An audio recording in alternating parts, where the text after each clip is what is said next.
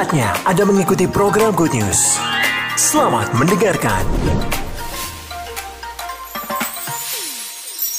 Ya, Bapak Ibu Saudara semua, Shalom.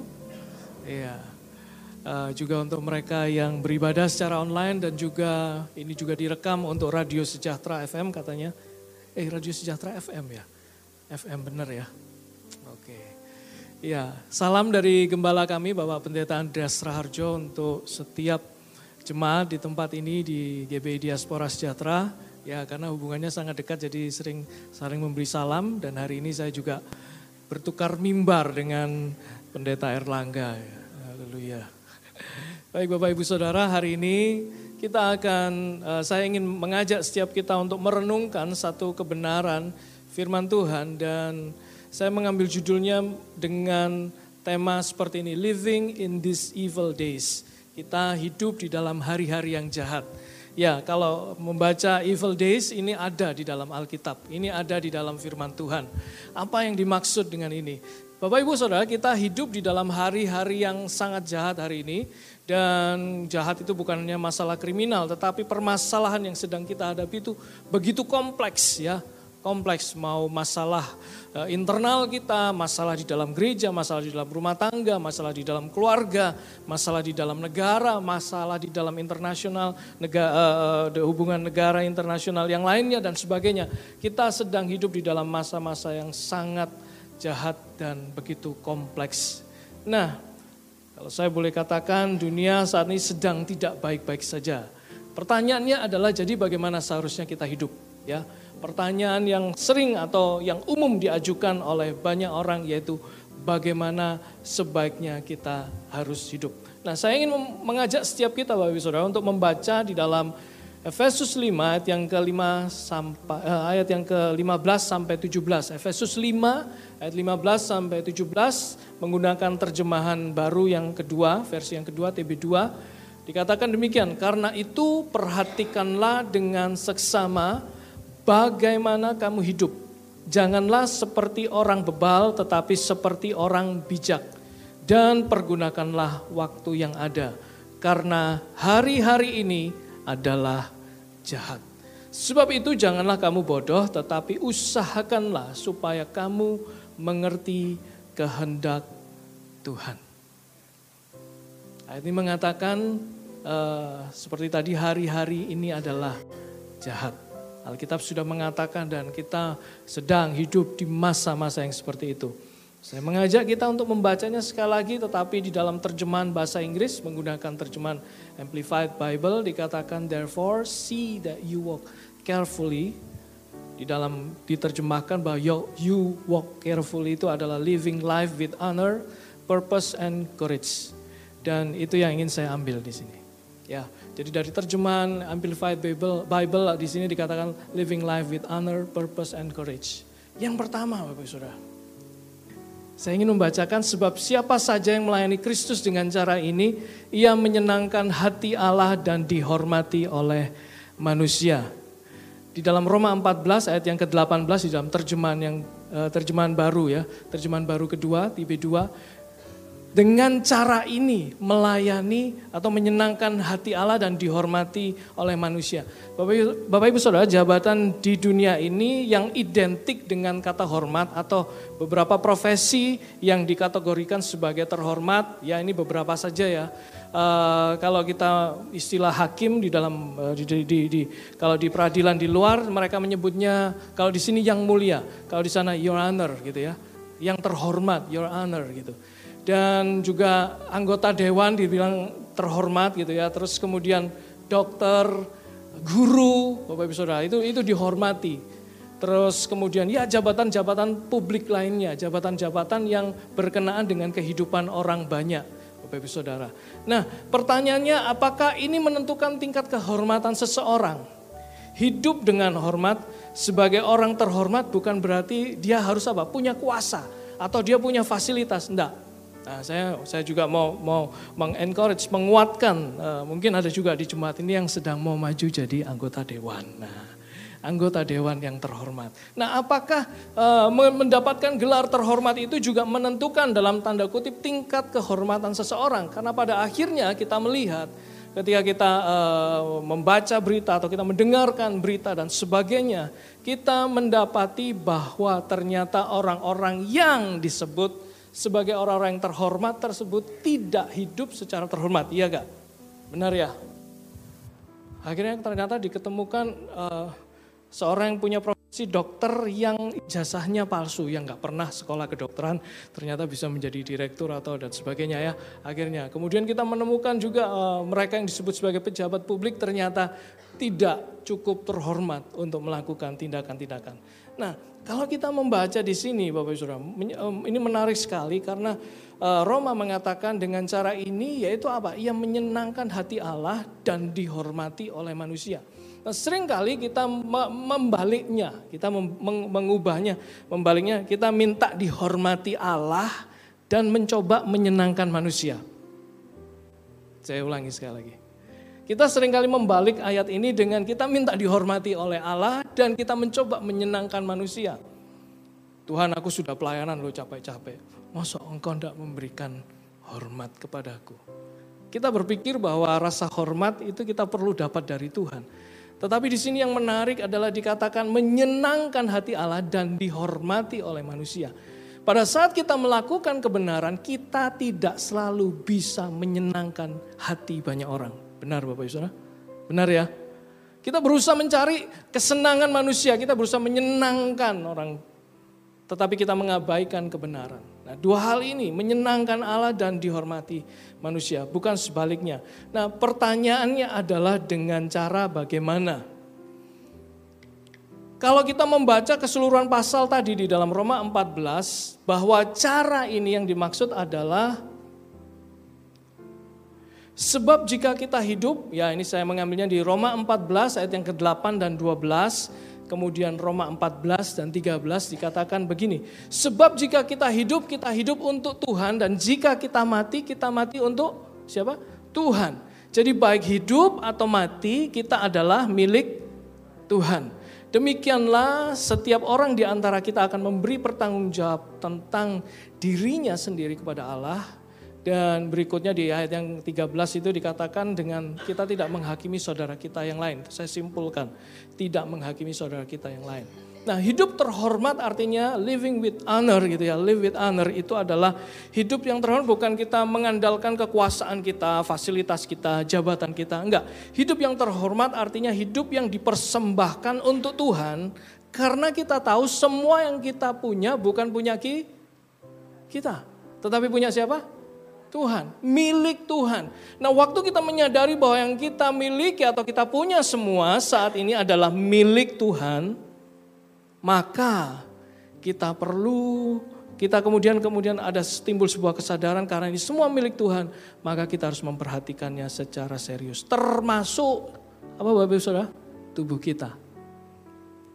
Kita memperlakukannya secara terhormat. Cara kita menampilkan diri kita penting juga di hadapan orang karena itu menunjukkan bagaimana kita menghormati diri kita.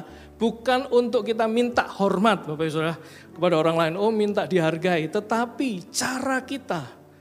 Karena kita tahu bahwa milik Tuhan itu termasuk itu harta kita, rumah kita, benda yang kita punyai, bahkan tubuh kita adalah milik Tuhan. Dikatakan bait Allah. Artinya waktu kita memperlakukan tubuh kita secara terhormat, maka kita uh, juga menyenangkan hati Allah dan dihormati oleh manusia. Ini kaitannya banyak sekali.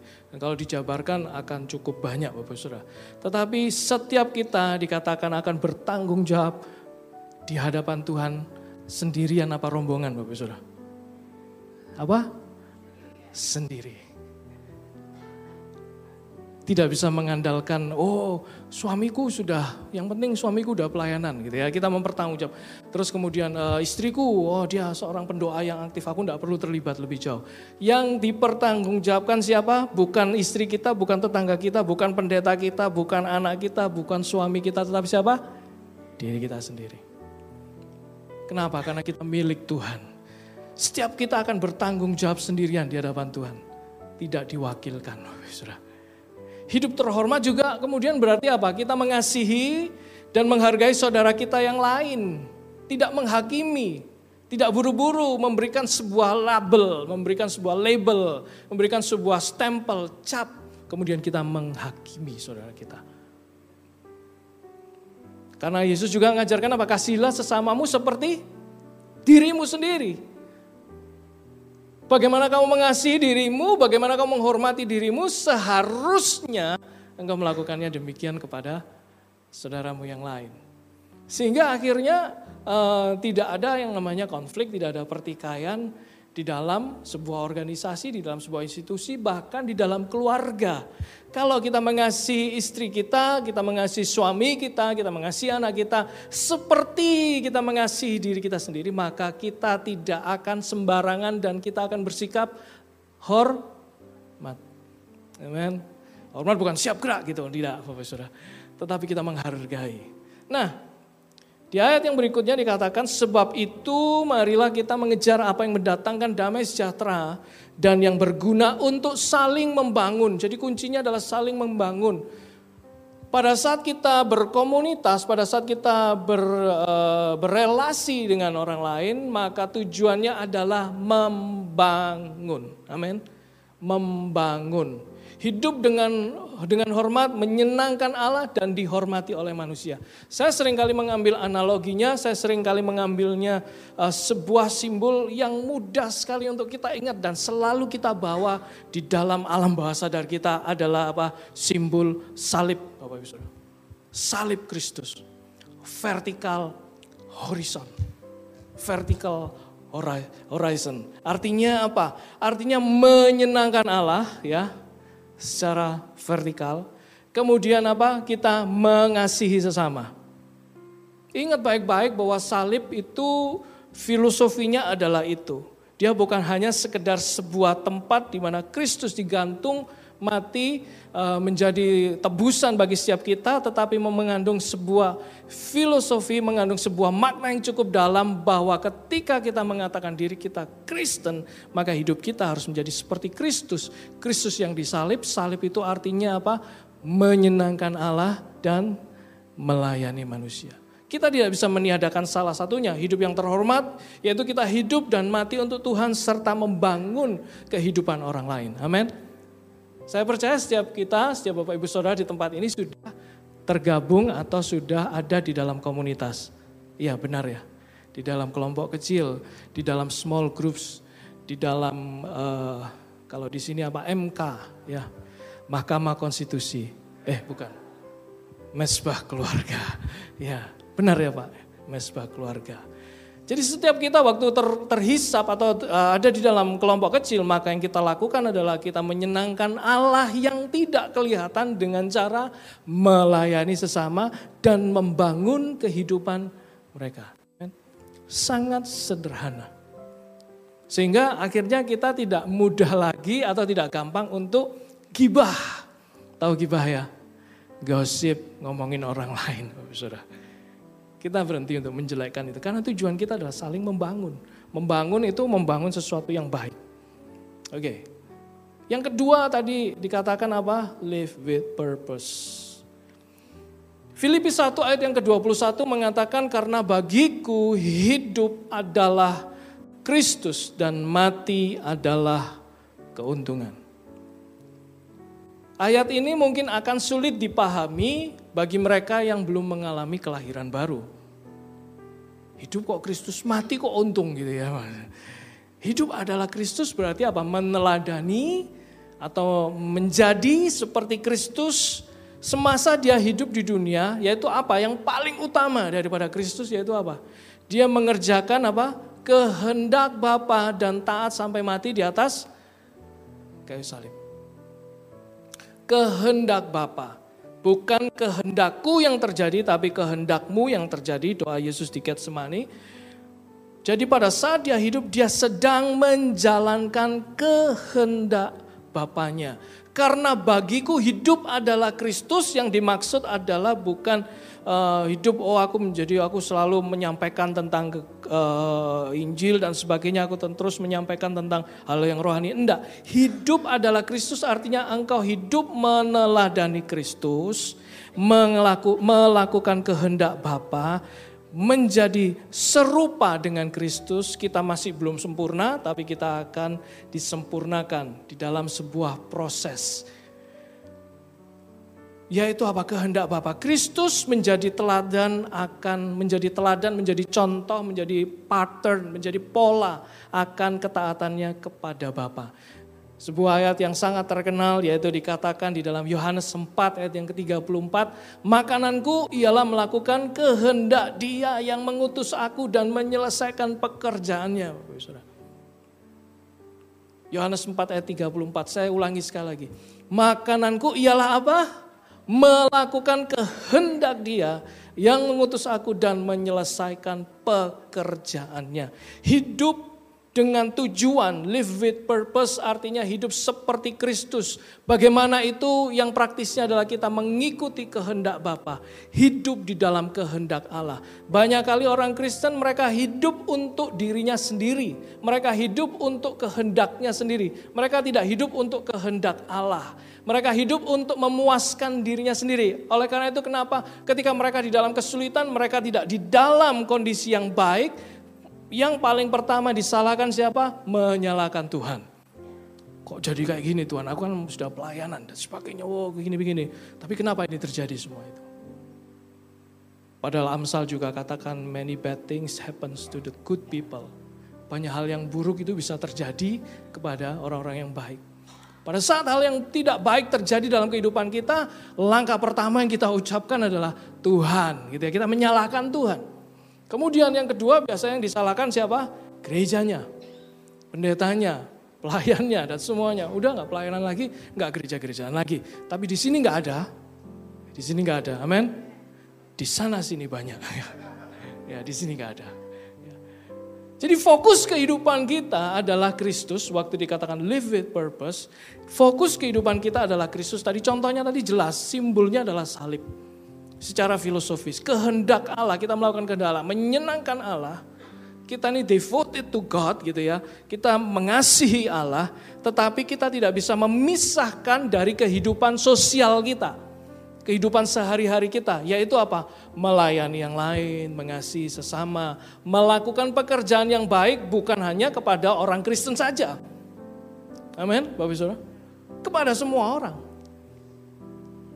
Itulah salib. Jadi pada saat kita melakukan itu, ini kalau juga untuk eh, calon pejabat-pejabat publik ya yang jadi anggota dewan.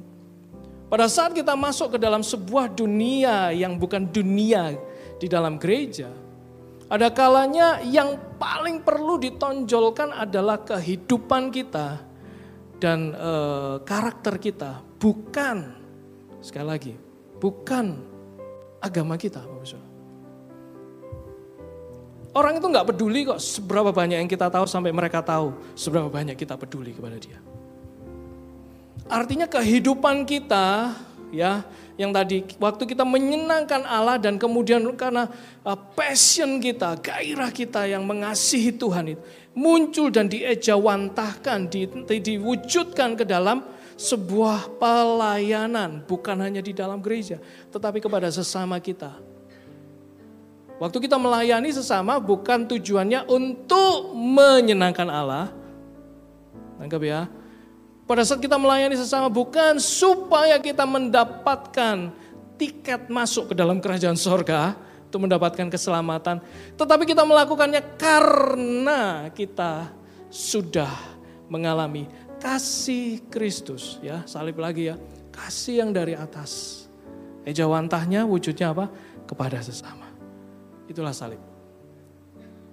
Pada saat kita berbicara salib bukan hanya berbicara soal penderitaan tetapi sebuah hal yang sangat basic saat mendasar di dalam kekristenan kita.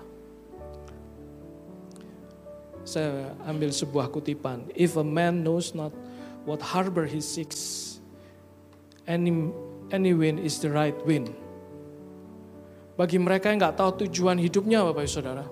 Untuk uh, waktu mereka uh, ada angin yang bertiup ke mana akan diikuti karena itu dipikir wah ini sesuatu yang benar. Di dalam kehidupan kita kita perlu sebuah tujuan. Di dalam di dalam uh, iman Kristen kita tujuan kita jelas yaitu apa? Hidup adalah Kristus. Sehingga mati adalah keuntungan bagi setiap kita. tahu tujuan kita ke mana Bapak Ibu Saudara. Kita tahu ke mana. Oleh karena itu bagi mereka yang tidak tahu tujuan kehidupan, maka itu adalah sebuah tragedi yang terbesar. Ada seorang penulis mengatakan demikian. Dia mudah sekali untuk mengikuti semua angin di bumi ini. Semua filosofi, semua pengajaran mereka akan ikuti karena mereka nggak tahu angin mana yang benar.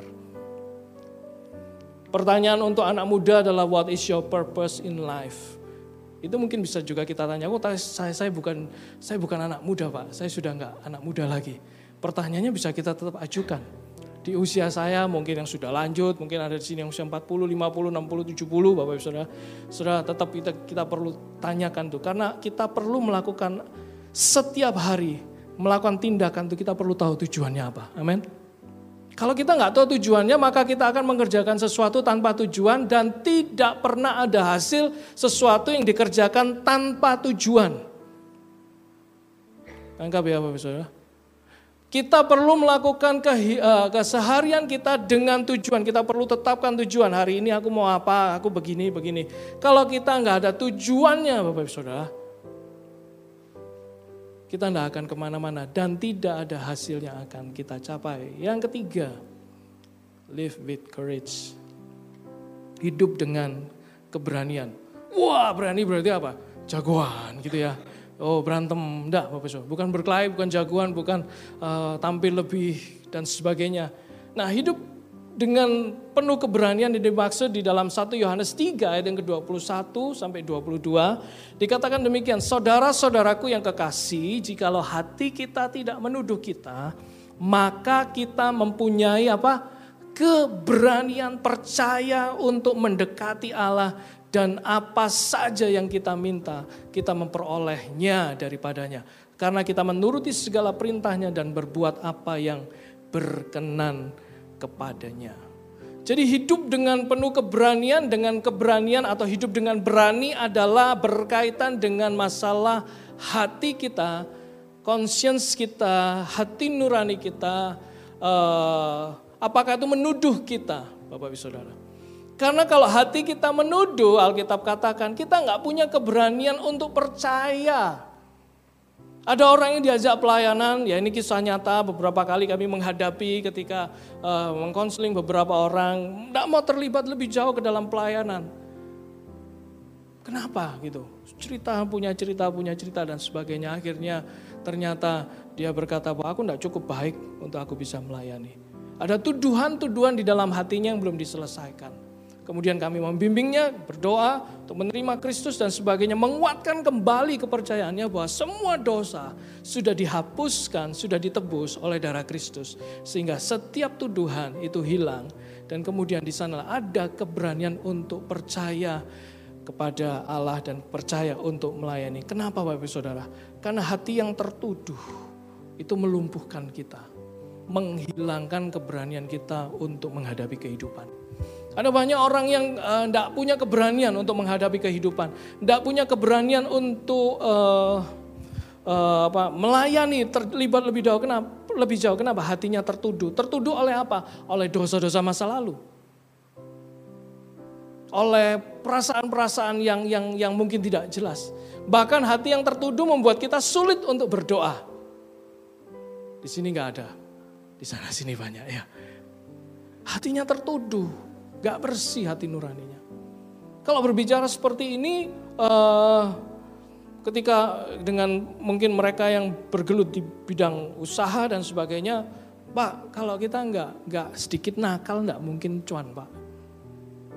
Nggak mungkin mendapatkan keuntungan.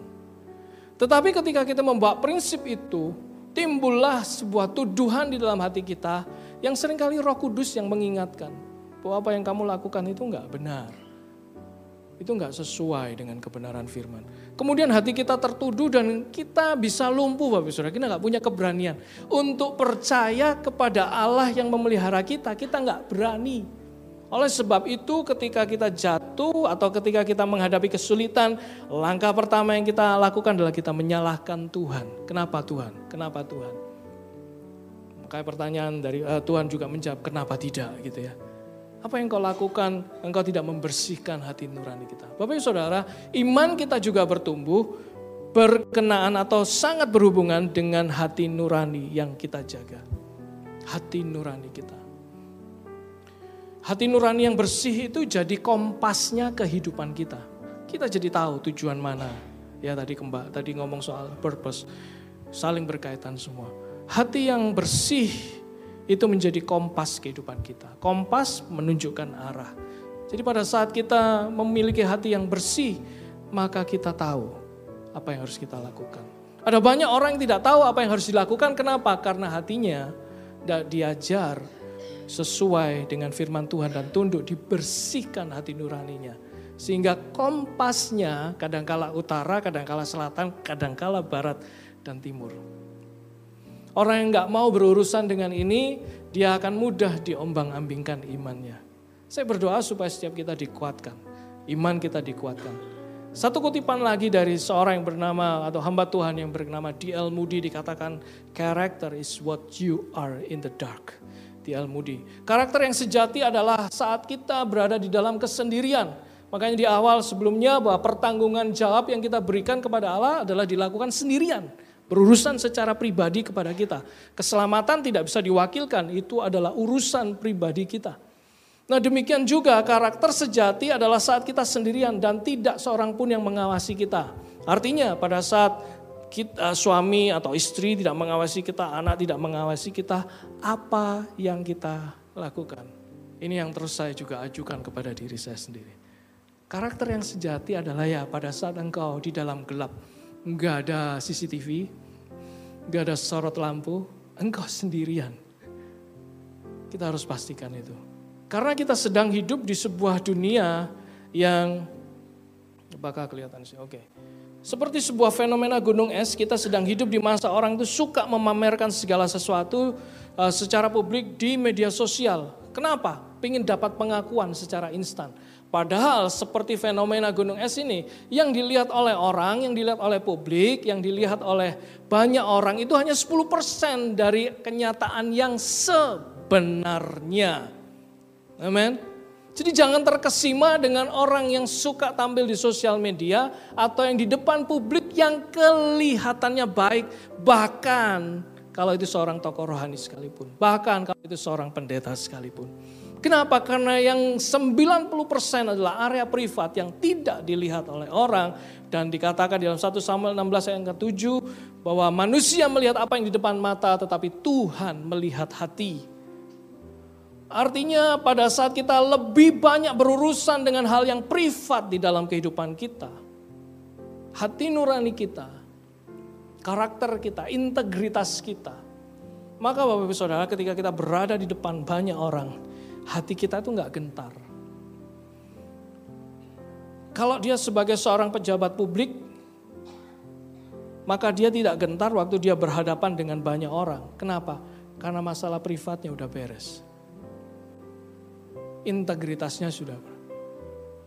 Karena yang 10% itu hanya dilihat oleh manusia. Sebaliknya, banyak orang karena di, di tengah kondisi zaman yang seperti ini adalah ada istilah flexing. Itu gunung esnya dibalik. 90%. Jadi mereka berusaha menampilkan yang terbaik dari mereka di depan publik supaya semua orang menilai, supaya semua orang kagum. Tetapi ternyata yang sebenarnya masalah privatnya yang tidak diketahui orang, orang belum beres. Bapak Ibu Saudara, di akhir zaman Tuhan akan menyingkapkan banyak hal. Yang tadinya kita pikir oke, okay, baik, kemudian ketika badai datang digoncang, hancur, runtuh. Kehidupan pribadi juga seperti itu. Kalau kita nggak serius dengan kehidupan pribadi kita, menata kembali Bapak Ibu Saudara, maka ada satu kali kita akan mengalami juga goncangan yang hebat. Amin. Ayo kita sungguh-sungguh, amin. Memperbaiki, menjaga hati kita, hati nurani kita. Hidup dengan penuh keberanian. Berani artinya dimulai dari dalam dulu. Hati kita kita izinkan. Oh tapi hatiku ini sering kali uh, uh, banyak tuduhan, sering kali kotor. Bapak ibu saudara kita punya anugerah dari Kristus Yesus. Datanglah setiap waktu. Saya sering kali datang di hadapan Tuhan. Tuhan selidiki hatiku Ampuni aku Tuhan. Ada perkataanku yang salah. Ampuni Tuhan ada motivasiku yang keliru. Saya bawa di hadapan Tuhan. Dengan tujuan apa? Bukan untuk ditampilkan. Tetapi karena saya mau Tuhan mau terus berurusan dengan hati saya. Amin. Yang berikutnya. Yang keempat adalah redeeming your time. Dan pergunakanlah waktu yang ada di dalam Efesus 5 tadi dikatakan. Di dalam terjemahan yang lain dikatakan redeeming your time. Tebus waktumu. Tebus waktumu. Seperti Kristus yang sudah menebus kita dari kesia-siaan, demikian juga kita wajib menebus kembali kesia-siaan dengan memaksimalkan waktu yang ada, Bapak Saudara. Kristus menebus kita supaya kita itu dibenarkan, diampuni segala dosa dan pelanggaran kita. Tetapi juga di dalam bagian Alkitab yang lain kita ditebus dari apa? Kesia-siaan, aimless conduct hidup yang tanpa tujuan, hidup yang nggak punya arah, hidup yang menghabiskan waktu untuk mengerjakan sesuatu yang nggak ada manfaatnya. Itu kesia-siaan. Sia-sia. Kristus sudah menebus kita dari kesia-siaan Nah, setelah Kristus menebus kita, oh aku terima kasih Tuhan, aku sudah diselamatkan, aku sudah uh, aku sudah lahir baru sekarang, semua dosaku bahkan Tuhan tidak ingat masa laluku di, di, dihapuskan, uh, aku dibenarkan, aku hidup sebagai orang benar. Kemudian kita berhenti sampai di sana, kita tidak melakukan apa-apa. Bapak Ibu Saudara, ketika kita berdosa, ketika kita berdosa, ada begitu banyak waktu yang kita sia-siakan. Kemudian kita lahir baru, tujuan kita, kita tidak berhenti sampai di sana saja, tetapi kita harus apa? Menebus waktu kita, redeeming your time. Kata yang dipakai ini luar biasa, karena kalau di, di terjemahan bahasa ini, dan pergunakanlah waktu yang ada. Pergunakanlah waktu yang ada. Setiap kita diberikan waktu 24 jam. Tidak ada yang 25 jam, tidak ada yang 20 jam. Tidak ada yang bilang, wah aku kurangan, kekurangan waktu. Enggak, kita sama-sama punya modal yang sama. Redeeming your time. Adakah hal yang yang pernah kita lakukan secara sia-sia kemudian menghabiskan waktu kita? Inilah waktunya kita menebusnya kita mengerjakan yang terbaik. Kita mem, mem, apa, menyerahkan hidup kita seluruhnya kepada Tuhan dengan keyakinan bahwa hidupku adalah milik Tuhan dan aku harus mempertanggungjawabkannya sendirian. Oleh karena itu Tuhan, aku mau hidup dengan sebuah tujuan. Tapi hidup dengan tujuan aku juga mau Tuhan hidupku ini dengan penuh keberanian aku mau menghampiri Engkau supaya apa? Untuk Engkau membersihkan hati nuraniku, ya. Tidak ada yang menuduh. Dengan tujuan aku mau Tuhan mempergunakan waktu yang ada tebus waktumu. Amin. Sebuah kutipan dikatakan begini, ini yang sering kali saya pakai. The secret of your future is hidden in your daily routine. Seorang yang bernama Dr. Mike Murdock, dia mengatakan bahwa rahasia masa depanmu itu sebenarnya tersembunyi di dalam keseharianmu, rutinitas rutinitasmu yang sehari-hari, hal yang rutin yang engkau lakukan. Bapak Ibu Saudara sering kali mungkin juga sebagai anak muda kita itu bosan sekali melakukan banyak hal yang rutin setiap hari. Tetapi ternyata rahasia masa depan kita itu tersembunyi di dalam kerutinan kita setiap hari. Belajar ya, atau bangun pagi, gosok gigi, mandi ya, sarapan, kalau nggak keburu sarapan, ya nggak sarapan, skip sarapan, mungkin kuliah, sekolah, kerja, dan sebagainya. Kemudian kita mengerjakan tugas-tugas kita, kalau ada kesempatan kita mengambil waktu belajar secara online dan sebagainya. Kita mengerjakan rutinitas yang sehari-hari terus seperti itu, yang mungkin bisa ditebak, oh pelayanan lagi, sebelum pelayanan pasti latihan, oh latihan musik, oh ini mesti menghafalkan lagu, kemudian lagunya. Nanti kalau uh, apa uh, screennya mati, jadi tetap bisa hafal lagunya. Kita belajar misalnya gitu ya, singer oh, worship leadernya belajar lagu yang baru, terus tim musiknya sama-sama nanti aransemennya kayak gini. Oh sebelumnya kita sudah berlatih lebih dulu rutin terus setiap hari minggu seperti itu. Tapi saya mau katakan the secret of your future is hidden in your daily routine. Dan ini diperkuat di dalam pengkhotbah 9 ayat yang ke-10 di dalam terjemahan TB2 yang dikatakan apa pun yang dapat dikerjakan tanganmu kerjakanlah sekuat tenaga. Kita tidak tahu kesempatan itu datang di dalam kehidupan kita. Yang perlu kita lakukan adalah kita kerjakan setiap hari, setiap waktu dengan sekuat tenaga. Apa yang harus aku kerjakan? Yang dijumpai tanganmu, apa pun yang dapat dikerjakan tanganmu, kerjakanlah sekuat tenaga. oh tapi Pak, ini nggak masuk di dalam job desk saya. Biasanya gitu ya, seorang pegawai, seorang uh, seorang yang bekerja dalam sebuah perusahaan yang besar, dia punya daftar yang harus dikerjakan. Kemudian uh, tiba-tiba bosnya atau atasannya memberikan sebuah tugas yang berbeda dari job desknya dia. Dan kemudian dia tidak bisa berkata ini bukan tugasku. Alkitab katakan apa pun yang dapat dikerjakan tanganmu kerjakanlah sekuat tenaga. Jangan pernah bilang ini bukan tugas saya. Pokoknya kalau itu ada sampai di tangan kita, kerjakan dengan sekuat tenaga. Amin. Karena kita nggak tahu pada saat kita mengerjakannya dengan sekuat tenaga, dengan excellent, dengan terbaik. Kita nggak tahu apa yang akan kita jumpai di masa depan. Karena di masa depan siapa tahu apa yang sudah kita kerjakan tadi itu terbuka di sana. Saya katakan ini kepada anak-anak saya juga. Kamu nggak akan pernah tahu apa yang terjadi ke depan. Tapi yang yang kamu temui sekarang lakukan yang terbaik. Terbaik sekuat tenaga, sekuat tenaga, sekuat tenaga. Kesempatan tuh nggak pernah datang kedua kali. Tetapi ada orang di dalam hidupnya diberikan favor, kesempatan tuh datang terus. Tapi kalau kesempatan itu tidak kita imbangi dengan uh, kemampuan, maka Bapak Ibu Saudara, kesempatan itu akan berlalu dan hidup kita jadi sia-sia. Oh, tapi kan saya sudah tua. Saya udah berumur, Pak. Ya, setiap kita pasti berumur. Kalau nggak punya umurnya kan ngeri, ya. Setiap kita punya umur, kita lahir langsung punya umur kok. Oh, tapi kan saya sudah usia lanjut. Saya tidak mungkin bisa mengerjakan lagi. Enggak. Bapak Ibu Saudara, uh, saya teringat sebuah kisah Colonel Sanders yang menemukan uh, yang membuat resep KFC ya, Kentucky Fried Chicken. Di usia pensiun dan di usia 70 kalau nggak salah. Di masa pensiunnya dia, dia menciptakan sebuah resep dan akhirnya mendunia. Saya juga terinspirasi dengan kisahnya Prof. Mika di sini ya, Ibu Sudi ya. Wah, sampai sampai di usia lanjut Bapak Ibu Saudara, eh bukan usia lanjut, masih muda, di usia yang masih sangat muda Bapak Saudara. Masih terlibat di dalam sebuah penelitian, masih dibutuhkan uh, di dalam uh, universitas dan sebagainya. Keilmuannya masih dihargai. Bapak Ibu Saudara, uh, saya percaya bahwa apa yang beliau sudah temui sekarang adalah hasil dari apa yang dahulu sudah dikerjakan sekuat tenaga. Oleh karena itu ketika kesempatan itu datang di dalam hidup saya, maka saya lakukan itu sekuat tenaga. Saya harus misalnya saya harus ambil studi lagi, maka saya harus lakukan dengan sekuat tenaga. Wis tua, wis umuran, wis apa sudah banyak yang lupa, tapi saya memaksa diri saya untuk masuk ke dalam itu. Karena saya nggak tahu apa yang akan terjadi di depan. Saya nggak boleh berhenti. Saya mau saya mau bilang gini ya, uh, Bapak Ibu Saudara mungkin kalau ketemu saya satu tahun lagi, saudara tidak akan ketemu saya seperti sekarang ini. Saya akan jauh lebih baik lagi.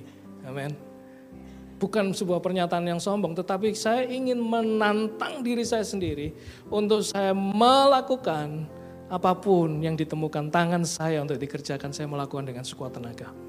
Meskipun itu bukan tugas atau job desk saya, tetapi ketika itu dijumpai, maka kita harus lakukan terbaik.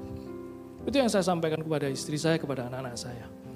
Jika kita terbiasa Bapak Saudara, untuk ini untuk anak muda. Kalau engkau terbiasa mengerjakan ini sejak muda, maka engkau sedang membentuk masa depanmu itu dari sekarang.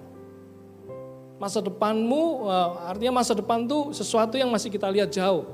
Tetapi masa depan itu menjadi hari ini yaitu ketika kita mencapainya di sana. Nah, waktu kita memandang ini sebagai masa depan ya, di titik ini sebagai masa depan, kita tidak begini, waduh, aku sekarang sudah di posisi ini, maka aku harus mempersiapkan diri. Bapak Ibu Saudara, itu sudah terlambat.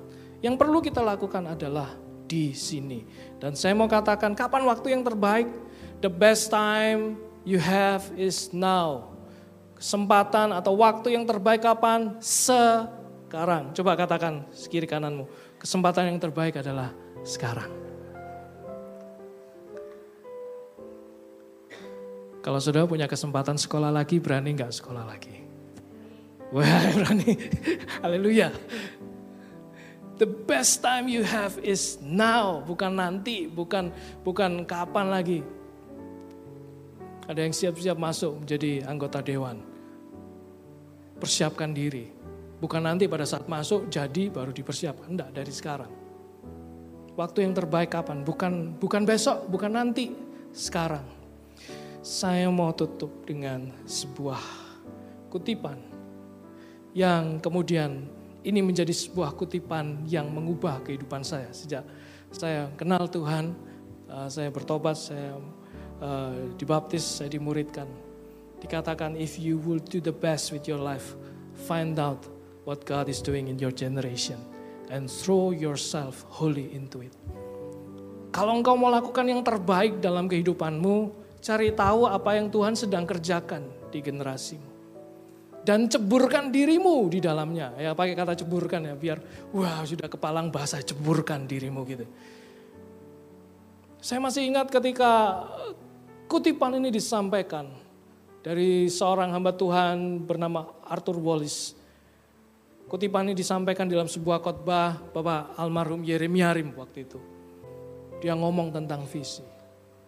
Dia katakan kalau kamu mau cari tahu apa yang jadi kehendak Allah Mau lakukan yang terbaik dalam hidupmu. Cari tahu apa yang Tuhan sedang kerjakan di generasimu. Ceburkan dirimu. Aku kan sudah tua pak. Ya, pertanyaan selalu itu lagi. Soal usia. Bapak ibu saudara kalau kita sudah berusia lanjut. Maka kita bisa bertanya juga pada Tuhan. Tuhan di usiaku seperti sekarang. Aku tahu bahwa engkau punya sebuah purpose. Kalau sampai hari ini aku diberikan kekuatan. Berikan aku uh, uh, apa namanya berikan aku tujuan, berikan aku hatimu sendiri. Bapak Ibu Saudara, kalau kita sudah berusia, maka kita sudah berumur usia lanjut, maka kita bisa mengayomi generasi kita yang di bawah. Kita bisa membagi ilmu kita, kita bisa bercerita tentang apa yang Tuhan sudah kerjakan di waktu masa lalu dan sampai hari ini Tuhan tidak pensiun masalahnya. Kita bisa cerita. Kita bisa menjadi mengayomi generasi kita di bawah. Kalau kita masih muda, maka kita pertanyaan kita yang terbaik, Tuhan aku mau tahu kehendakmu. Amin. Aku mau tahu, aku mau tahu apa yang Tuhan engkau sedang kerjakan hari-hari ini. Kalau engkau belum tahu apa yang Tuhan mau kerjakan, kembali yang tadi, ke ayat yang tadi. Engkau belum tahu apa yang, ya udah kerjakan sekuat tenaga apa yang dijumpai tangan. Kalau engkau waktunya belajar, waktulah, eh, pergunakan waktumu untuk belajar. Persiapkan dirimu Gak tahu, gak apa-apa, tetaplah jalan terus. Saya tutup dengan sebuah cerita yang mungkin sudah pernah pernah uh, pernah kita dengar ya. Pernah kita dengar tentang mengerjakan sesuatu dengan sekuat tenaga. Melakukan yang terbaik setiap hari. Di Amsal itu dikatakan, saya lupa ayatnya, tetapi di Amsal yang terakhir dikatakan uh, cicak itu ada di istana raja, kira-kira gitu ya. Cicak cicak itu ya ada di istana raja. Kalau kita lihat cicak itu ada di mana-mana ya kan? Kita di rumah kita pasti ada cicak. Pasti ada, pasti. Tapi di, di, di Amsal dikatakan uh, menemukan cicak di istana raja. Cicak ini di istana raja kalau dia bisa dengar maka dia bisa dengar banyak keputusan yang dihasilkan, perbicaraan-pembicaraan soal politik di sana, soal kenegaraan dan sebagainya dia bisa mendengarkan. Kalau dia bisa mendengar. Tetapi pertanyaannya kenapa kok cicak ini bisa tiba di istana raja gitu pertanyaannya seperti itu. Ya ini ini ini berandai-andai, ini sebuah kisah aja kita kita sama-sama berimajinasi. Mungkin si cicak ini yang uh, dia dari satu rumah kemudian dia nggak tahu dia kemudian mencari makan gitu ya. Makanan cicak itu apa ya? Nyamuk ya. Sate ya, itu cicaknya besar. Uh, cicaknya jadi jadi buaya nanti kalau jadi sate. Katakanlah dia makan nyamuk. Nah, kalau kita melihat sebuah cicak yang berjuang mendapatkan makanan yaitu nyamuk, kita akan lihat dia begitu susah payah, benar nggak ya? Karena nyamuk punya sayap, terbang, hmm, gitu. Cicak nggak bisa. Cica nggak punya sayap. Ada yang bisa, waktu saya membayangkan itu, saya mengimajinasikan, saya cerita, bayangkan kalau cicak itu punya sayap, dia bisa kejar-kejaran sama nyamuk. Terus kemudian yang dengar karena yang gilo sama cicak, hi bilang gitu ya. Bayangin cicak bisa terbang-terbang. Nah, dia susah payah dan kemudian dia untuk mendapatkan seekor nyamuk, dia harus kejar. Si nyamuknya lagi berteduh misalnya, dikejar lagi, kejar-kejar. Kadang dapat, kadang nggak dapat. Kadang dapat, kadang nggak dapat. Lebih sering nggak dapatnya. Sampai akhirnya dia mengejar, mengejar, mengejar, mengejar cicak. Dia melakukan terbaik aja untuk makan. Sampai akhirnya satu titik dia sampai ke sebuah tempat dan dia uh, dia menyadari bahwa tempat ini kok agak aneh ya. Pembicaraannya nggak seperti biasanya. Kok sangat serius dan kemudian dia memperhatikan ternyata dia dia di istana raja, Bapak Saudara. Ini sebuah cerita, sebuah imajinasi, tapi ini menggambarkan bahwa ketika cicak itu melakukan yang terbaik, menangkap hal yang sepele. Dia mau bertahan hidup, menangkap nyamuk, tidak dapat, dapat, tidak dapat, dapat. Dia berjalan terus, berjalan, berjalan, berjalan sampai akhirnya dia sampai di istana raja. Bapak Ibu Saudara, kalau pada saat kita melakukan yang terbaik di dalam kehidupan kita, kita tidak akan pernah tahu kita akan berakhir di mana. Tapi satu hal yang pasti, Amsal juga mengatakan, karena orang-orang yang skillful, orang-orang yang terbaik itu akan berdiri di hadapan raja-raja. Lakukan yang terbaik. Kalau kita ingin mengalami sebuah kehidupan di masa-masa yang jahat ini, hari-hari yang jahat ini, tetap lakukan yang terbaik. Empat hal tadi.